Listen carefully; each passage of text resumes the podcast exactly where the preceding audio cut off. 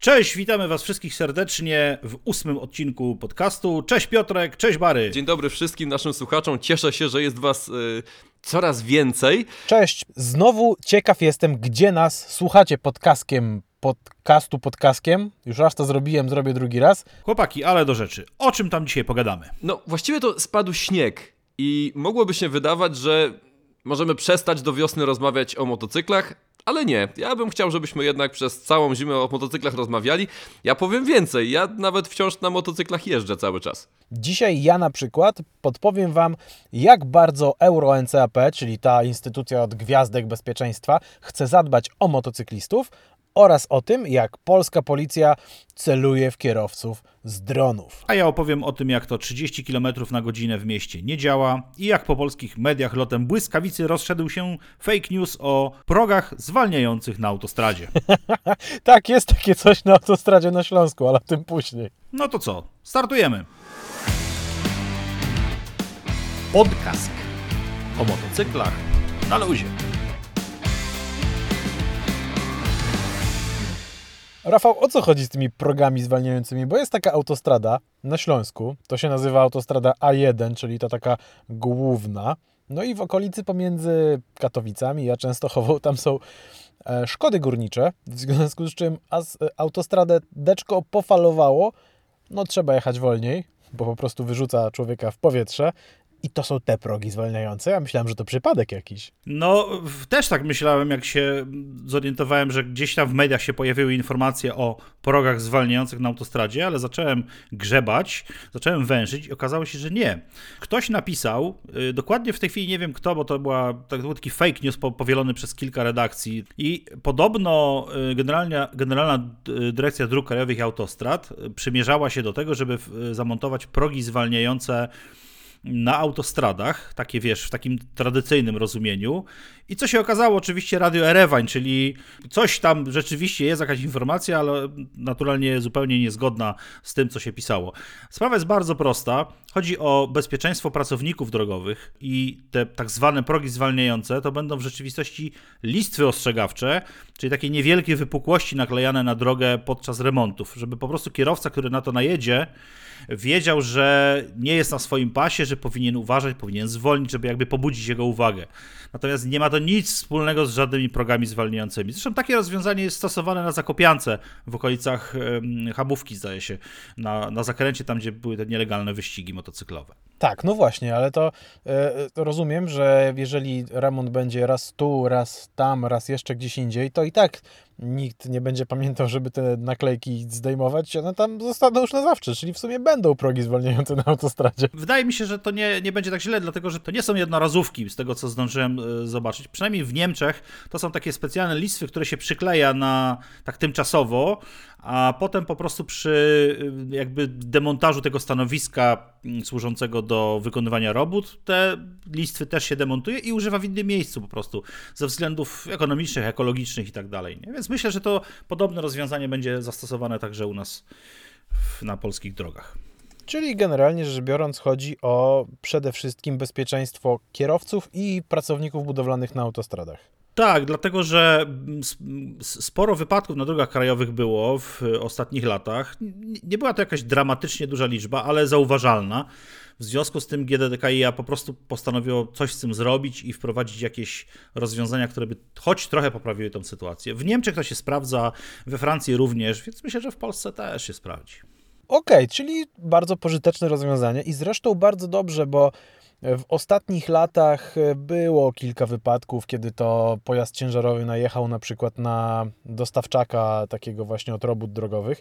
I w związku z tym właśnie nie wiem czy wiesz, ale weszło rozporządzenie, tudzież nowelizacja, która e, będzie nakazywała, że od stycznia pierwszego E, roku 2023 obowiązkiem będzie stosowanie tzw. Tak poduszek zderzeniowych, czyli tam, gdzie wykonywane będą roboty na autostradach, na mm, samym początku będzie stał samochód z, takim, z taką strefą zgniotu, żeby właśnie nie uderzyć w człowieka, tylko odbić się od tego. Bardzo fajne, bardzo pożyteczne rozwiązanie. Tak, coś, coś słyszałem. Kiedyś mi się to obiło uszy, bo pamiętam, że był pomysł y, na zastosowanie takiego czegoś, ale szczerze mówiąc nawet nie wiedziałem, że jest to już na takim etapie zaawansowania i że to w ogóle ma wejść. No to dobra wiadomość. takim razie idę za ciosem i podrzucam drugą dobrą wiadomość. Na pewno znacie tą agencję Euro NCAP, która wystawia e, gwiazdki pojazdom za ich bezpieczeństwo. Na pewno o tym słyszeliście, więc nie będę się rozwodził na ten temat.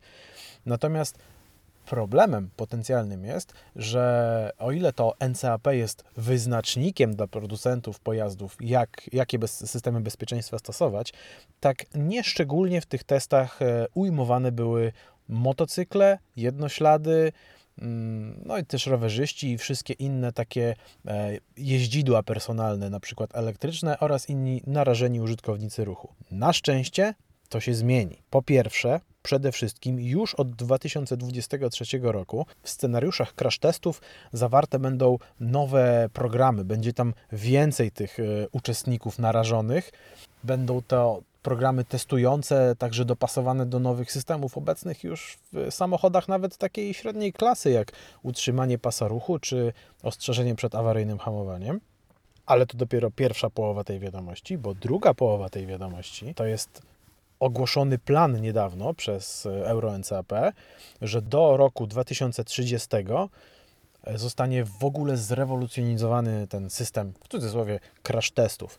Będą nowe scenariusze, będą scenariusze lepiej dopasowane do zróżnicowanych warunków pogodowych, do nowoczesnych systemów samochodowych, ale przede wszystkim w tych scenariuszach zawartych będzie dużo więcej kolizji, zdarzeń i przypadków z wszystkimi jednośladami.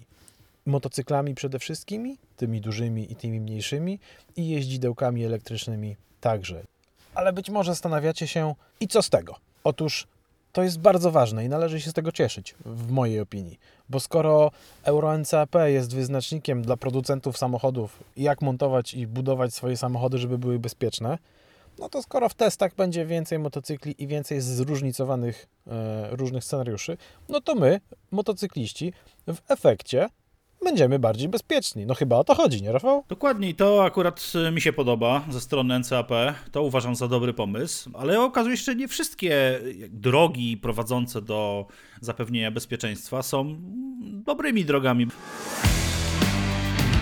Ostatnio wyczytałem, że mm, jakaś organizacja mm, badawcza e, w Belfaście, Irlandii Północnej, przeprowadziła takie badanie dotyczące tego, czy ograniczenie do 30 km na godzinę, tam konkretnie było 20 mil na godzinę, w jaki sposób wpływa na bezpieczeństwo, czy te ulice, które są objęte ograniczeniami, różnią się jakoś od tych ulic, które mają ten limit ustalony nieco luźniej.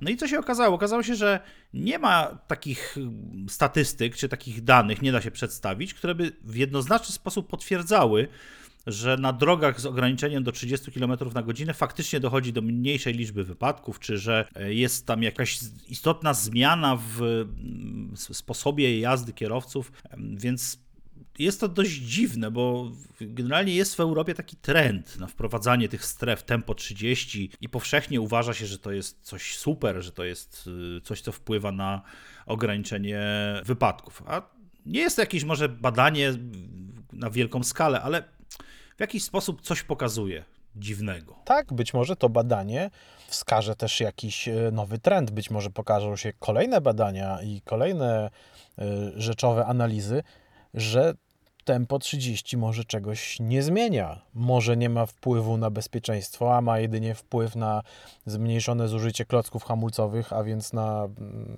poprawę jakości powietrza. Być może to tylko o to chodzi.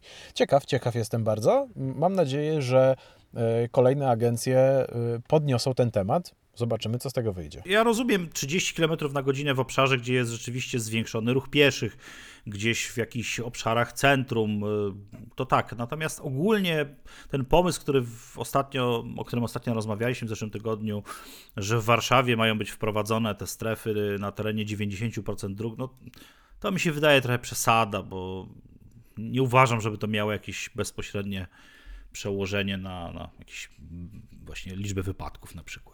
Wiesz, Rafał, i tak e, sporo polskich miast znajduje się w światowej czołówce najbardziej zakorkowanych miast, więc siłą rzeczy to tempo 30 mamy, nawet tempo 15.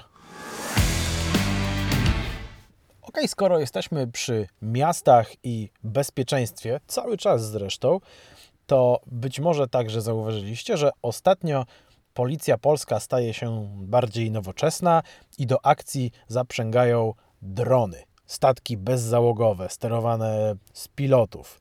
Jak myślisz, Rafał, do czego ich używają? Pierwsza odpowiedź, która przyszła mi do głowy, to jest cytat z filmów Niebowzięci. Każdy lubi sobie czasem polatać. Tak, ja lubię polatać. Mm, Natomiast co do tej policji.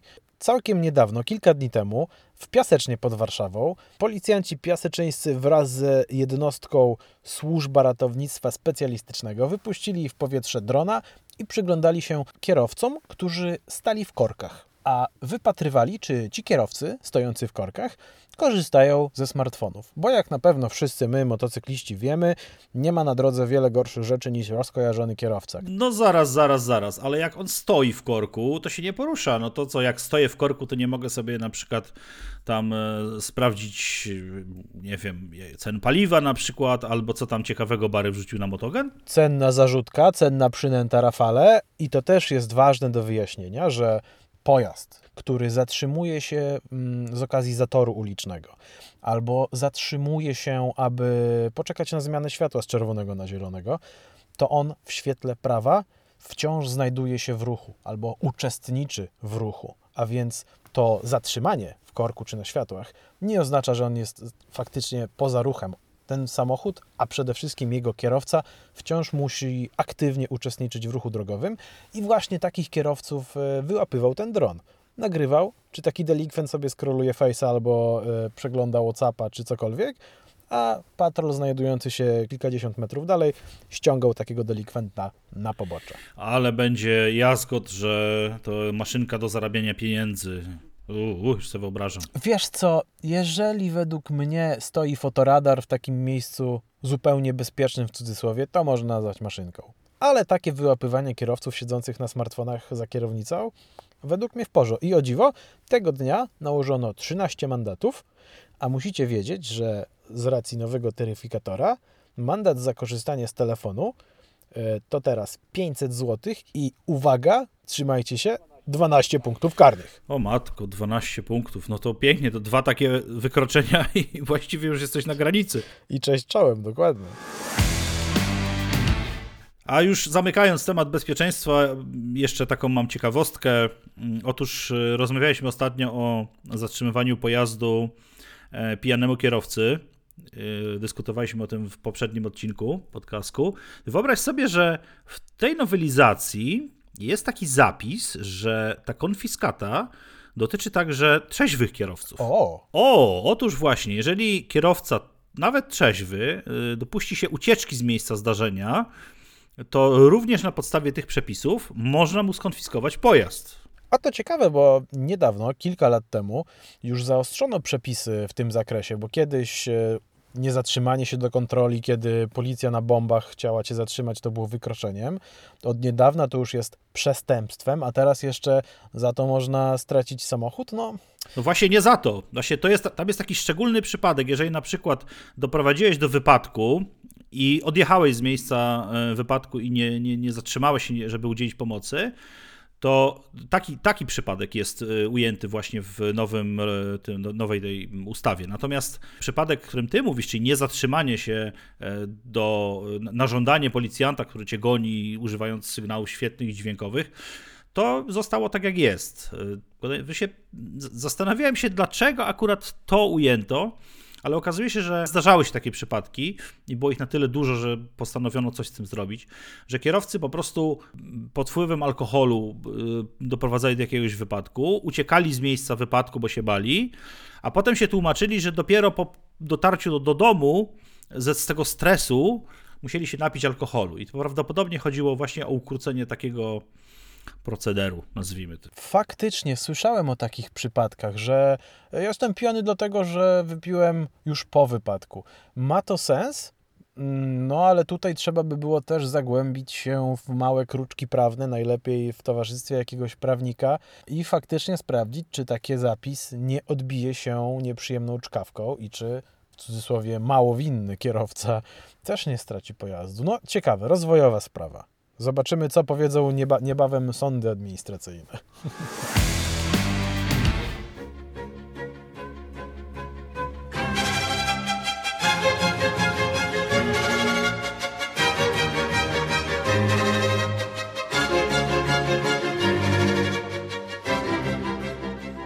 Bary, coś wspominałeś na początku, że o śniegu i coś wspominałeś, że nie chcesz y, o tych motocyklach przestawać rozmawiać. Czy to znaczy, że ty nadal jeździsz motocyklem? Tak, nadal jeżdżę motocyklem. Ostatnio zsiadłem z motocykla wczoraj, było jakieś zero na termometrze i bardzo zmarzłem. Ale zgadza się, jeździłem, zrobiłem wczoraj po mieście jakieś 100 km w sumie. Matko Bosko Świnto, to rozumiem, że masz jakieś zimowe opony, tak? I łańcuchy. No niestety nie mam zimowych opon i od razu wyjaśnię, że jeżdżę dlatego, że muszę, a nie dlatego, że chcę. A rozumiem, czyli dowozisz jedzenie po prostu ludziom głodnym.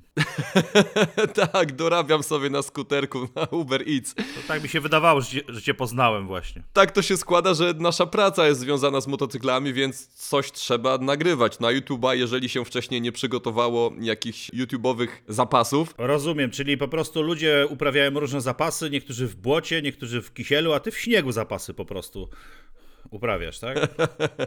Czasami i tak trzeba po to, żeby nagrać jakiś materiał, do którego się zobowiązaliśmy, który zaplanowaliśmy. No i jeżeli pogoda nie dopisuje, no to cóż, no po prostu zakładamy troszeczkę cieplejsze rękawice, zaciskamy zęby, dogrzewamy się gdzieś tam na grzanych manetkach i działamy. Ja nie ukrywam, że dla mnie jazda przy temperaturach poniżej 10 stopni Celsjusza po prostu nie jest przyjemna i Przestałem się już oszukiwać, wyrosłem już chyba z takiego etapu, kiedy jeżdżę przy takich temperaturach, żeby sobie albo komuś coś udowodnić. Jeśli tylko nie muszę, to nie wsiadam na motocykl, kiedy termometr nie pokazuje kilkunastu stopni Celsjusza i kiedy nie jest pięknie, słonecznie. Wtedy jeżdżę dla przyjemności. No właśnie, ale powiedz mi, powiedz przede wszystkim słuchaczom, jak w ogóle się zabrać za taką jazdę, bo ja rozumiem, że no, ty akurat masz taką sytuację, że no, rzeczywiście musiałeś coś tam zrobić, ale czasami jest taka akcja, że no nie wiem, moto Mikołaje się zbliżają na przykład, albo trzeba ten motocykl jakoś gdzieś przetransferować z jednego miejsca w drugie, albo po prostu, nie wiem, jest jakaś zajawka, kurczę, żeby sobie wyjść na jeden dzień pojeździć. Jak się przygotować do takiej jazdy? Ja pozwolę sobie konsekwentnie jednak odradzać jazdę w takich warunkach i to nie tylko ze względu na to, że przyjemność dużo mniejsza albo i żadna, ale też dlatego, że to jest mniej bezpieczne. No ale dobrze, załóżmy, że ktoś się uparł i już naprawdę chce w takich warunkach pojeździć.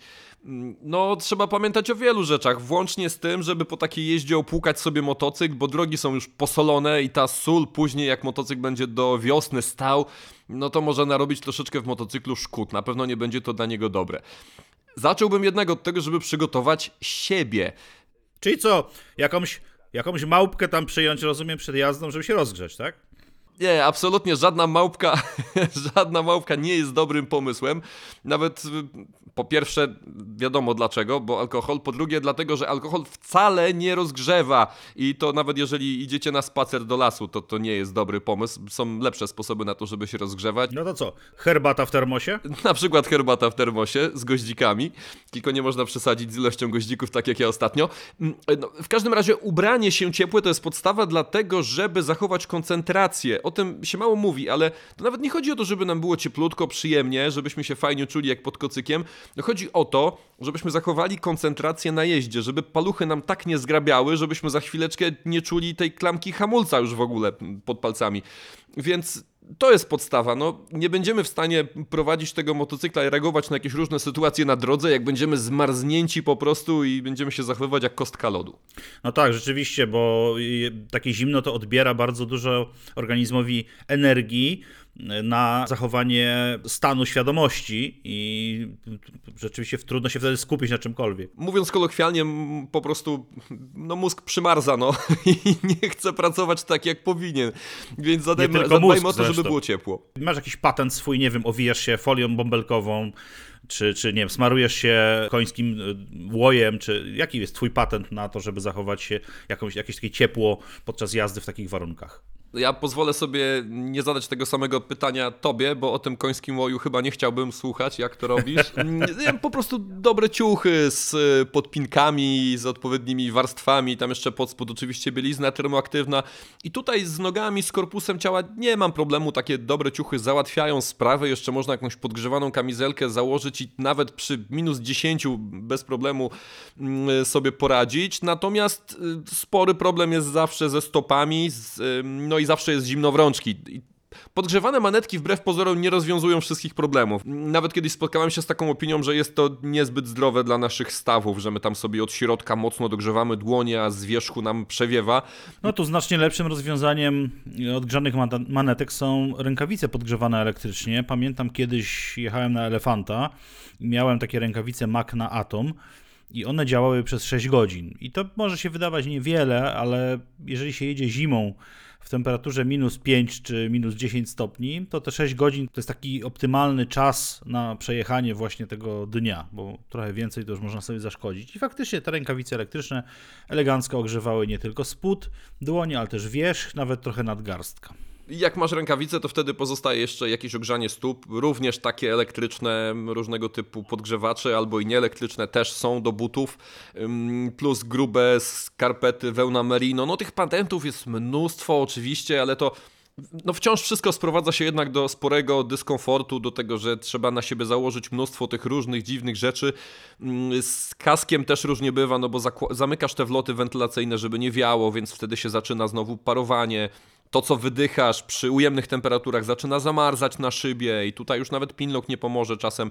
Więc no, tych problemów jest dość dużo, i dlatego na koniec y, powtórzę jeszcze raz to, od czego zacząłem. Jak nie musicie, to lepiej przeczekać do fajniejszych temperatur i do słonecznej pogody. Ja bardziej tak właśnie z myślą o tych motomikołajach, bo coraz więcej spływa informacji z różnych stron Polski o tym, że tu ktoś organizuje, tam ktoś organizuje i tak się zastanawiam, jeżeli będzie pogoda taka powiedzmy plus 5, no to jeszcze daj Boże, spokojnie będzie można się wybrać na taką imprezę, no ale jeżeli mróz dociśnie, a są takie też prognozy, no to wtedy przydałyby się jakieś do, dobre rady, nie?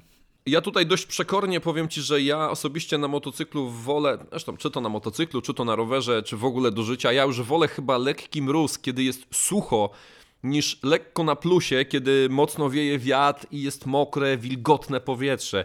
Więc czasami takie minus 2 i słoneczko to jest lepsze rozwiązanie niż plus 3 i jakaś mrzawka, czy deszcz ze śniegiem. No tak, Moto Mikołaja to rzeczywiście fajna tradycja. Myślę, że ten jeden dzień to każdy sobie poradzi. Po prostu wiesz, tak jak intuicja podpowiada, ubierze się cieple i po powrocie opłucze motocykl z tego syfu z, z solą. Po to, aby motocykl się później nie niszczył przez zimę stojąc w garażu. No i wiesz, dla mnie takim fajnym sposobem zawsze jest po powrocie do domu, kiedy już trochę przemarznę, mm, po prostu wskoczyć pod taki bardzo, bardzo gorący prysznic, tak żeby aż mi się za gorąco zrobiło, wypić gorącą herbatę z jakimiś tam jeszcze dodatkami typu imbir, goździki, e, wskoczyć pod kocyk, wygrzać się i na ogół nie kończy się to przeziębieniem. Poważniejszym problemem jest, kiedy jeździsz tak kilka dni z rzędu, z takim jednodniowym wypadem na moto Mikołaja, myślę, że każdy sobie poradzi. Dobry, to na koniec w takim razie poproszę Cię jeszcze o sławny przepis na Twoją herbatę z goździkami. Rafał tutaj y, oczywiście odwołuje się do pewnej sytuacji. Otóż ostatnio nagrywając film e, razem z naszym operatorem, kolejny film na naszego YouTube'a, postanowiłem zrobić w termos troszeczkę gorącej herbatki. No i no, przesadziłem z goździkami. No, zamiast wrzucić trzy goździki, to ja tam sypnąłem garść, więc powstał wywar z goździków i absolutnie nie dało się tego pić, ale że nie mieliśmy nic innego do picia ciepłego, no to piliśmy ten wywar z goździków i tak. Teraz się będą ze mnie śmiać do wiosny z tego pewnie. Nie, nikt się z ciebie nie śmieje, to po prostu wreszcie poznaliśmy sekret długowieczności i dobrej energii Barego. Słuchajcie, to jest herbata z garścią goździków. Pić się tego nie da, ale za to jeżeli chcecie być zdrowi i uśmiechnięci i radośni każdego dnia, no to na pewno taki przepis wam się przyda. Zanotujcie i używajcie. Nieprawda, nie róbcie tego, nie róbcie tego w domu, absolutnie. Rafał, to ja na zakończenie jeszcze tylko pozwolę sobie zaprosić już niedługo na naszego YouTube'a. To znaczy zawsze zapraszam, ale teraz szczególnie dlatego, że właściwie to pakuję już walizki na testy. Wspominałem już o tych testach. Nowy mm, S1000RR, M1000R. Mm, Te testy odbędą się w Hiszpanii w najbliższych dniach. Jak tylko wrócę, przywiozę materiały, jak najszybciej zmontujemy te filmy. Pierwsze wrażenia z jazdy nowymi BMKami na naszym YouTubie. Już wkrótce, pewnie to kwestia najbliższych dwóch tygodni. Zapraszam. Piotrek, nie wiem czy słyszałeś, bo coraz gęściej się, że tak powiem, mówi w mediach ostatnio, zagranicznych szczególnie, o nowym cruiserze od BMW, czyli R12. R12, czyli co? Będzie to, stosując nomenklaturę BMW, e, silnik Boxer o pojemności no tam 1250? No właśnie nie, bo to ma być e, silnik z BMW R90, I on y, będzie, znaczy właśnie cały widz polega na tym, że będzie to podobnie jak R18, będzie to taki klasyczny cruiser, czyli on będzie miał 1170 pojemności chłodzone powietrzem, 109 koni. Inspiracją mają być motocykle BMW przedwojenne, czyli coś takiego, co właśnie zrobiono z R18. I w zeszłym roku BMW zarejestrowało w Europejskim Biurze Własności Intelektualnej nazwę R12, a w tym roku, dosłownie miesiąc wcześniej, zarejestrowano nazwę R12S, co sugeruje jakieś tutaj sportowe proweniencje. No dobra, to poczekaj. Skonsolidujmy tą wiedzę.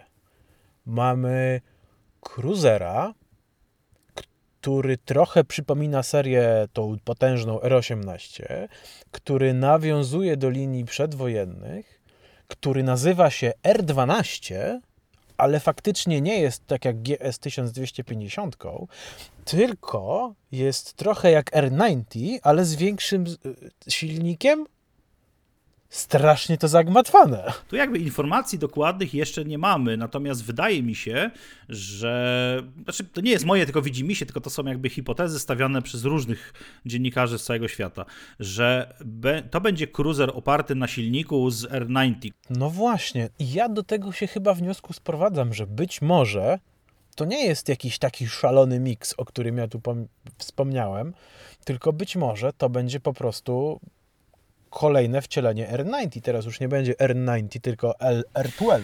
No, tym bardziej, że w przyszłym roku BMW ma obchodzić podobno swoje stulecie. Nie wiem, jak oni to liczą, bo sama firma jest chyba trochę starsza.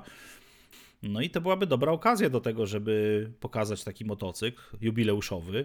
I jeszcze ciekawostka jest taka, że wyobraź sobie, że przed wojną drugą światową był taki motocykl BMW R12 i on był najpopularniejszym motocyklem BMW w ogóle na rynku wówczas. Proszę bardzo. No to słuchaj, no ja trzymam kciuki, bo ja R90 strasznie lubię. To jest bardzo sympatyczny motocykl, który w tych kilku różnych wersjach można go dopasować bardziej do miejskiego ganiania, czy bardziej do scramblerowego śmigania po lasach. Strasznie mi ten motocykl odpowiada i jeżeli faktycznie miałby dostać nową wersję, no to trzymam za niego kciuki. Moja ciekawość została pobudzona, Rafale. No dobrze, to na zakończenie, Rafale, taka może już mała tradycja świecka. Czego dowiedzieliśmy się w dzisiejszym odcinku? Ja się dowiedziałem od Barego, że lepiej nie jeździć w zimnych temperaturach. Tak, czyli wiemy, że w zimę jest zimno. I słyszałem też taką anegdotę, że Bary został mistrzem w nierobieniu herbaty z goździkami, a już zupełnie unofficial jest tak, że po herbacie ze zbyt dużą ilością goździków w łazience robi się świąteczna atmosfera. Yy, tak, ale myślę, że nie byłoby dobre, żebyśmy ten temat jakoś zgłębiali dokładniej. E, Dobrze, dowiedzieliśmy się też, że na autostradach będzie bezpieczniej, a także, że nie warto w samochodzie korzystać ze smartfona, bo policja może cię namierzyć z drona. No i oczywiście dowiedzieliśmy się też, że 30 nie działa i R12 będzie działać już niedługo. A jeżeli z poprzedniego odcinka wywnioskowaliście, że warto myć motocykl CIF-em, to my czekamy na zdjęcia. Tak, i na, i na pozwy. Cześć, dzięki wielkie, do usłyszenia za tydzień. Do usłyszenia. Dzięki, do usłyszenia.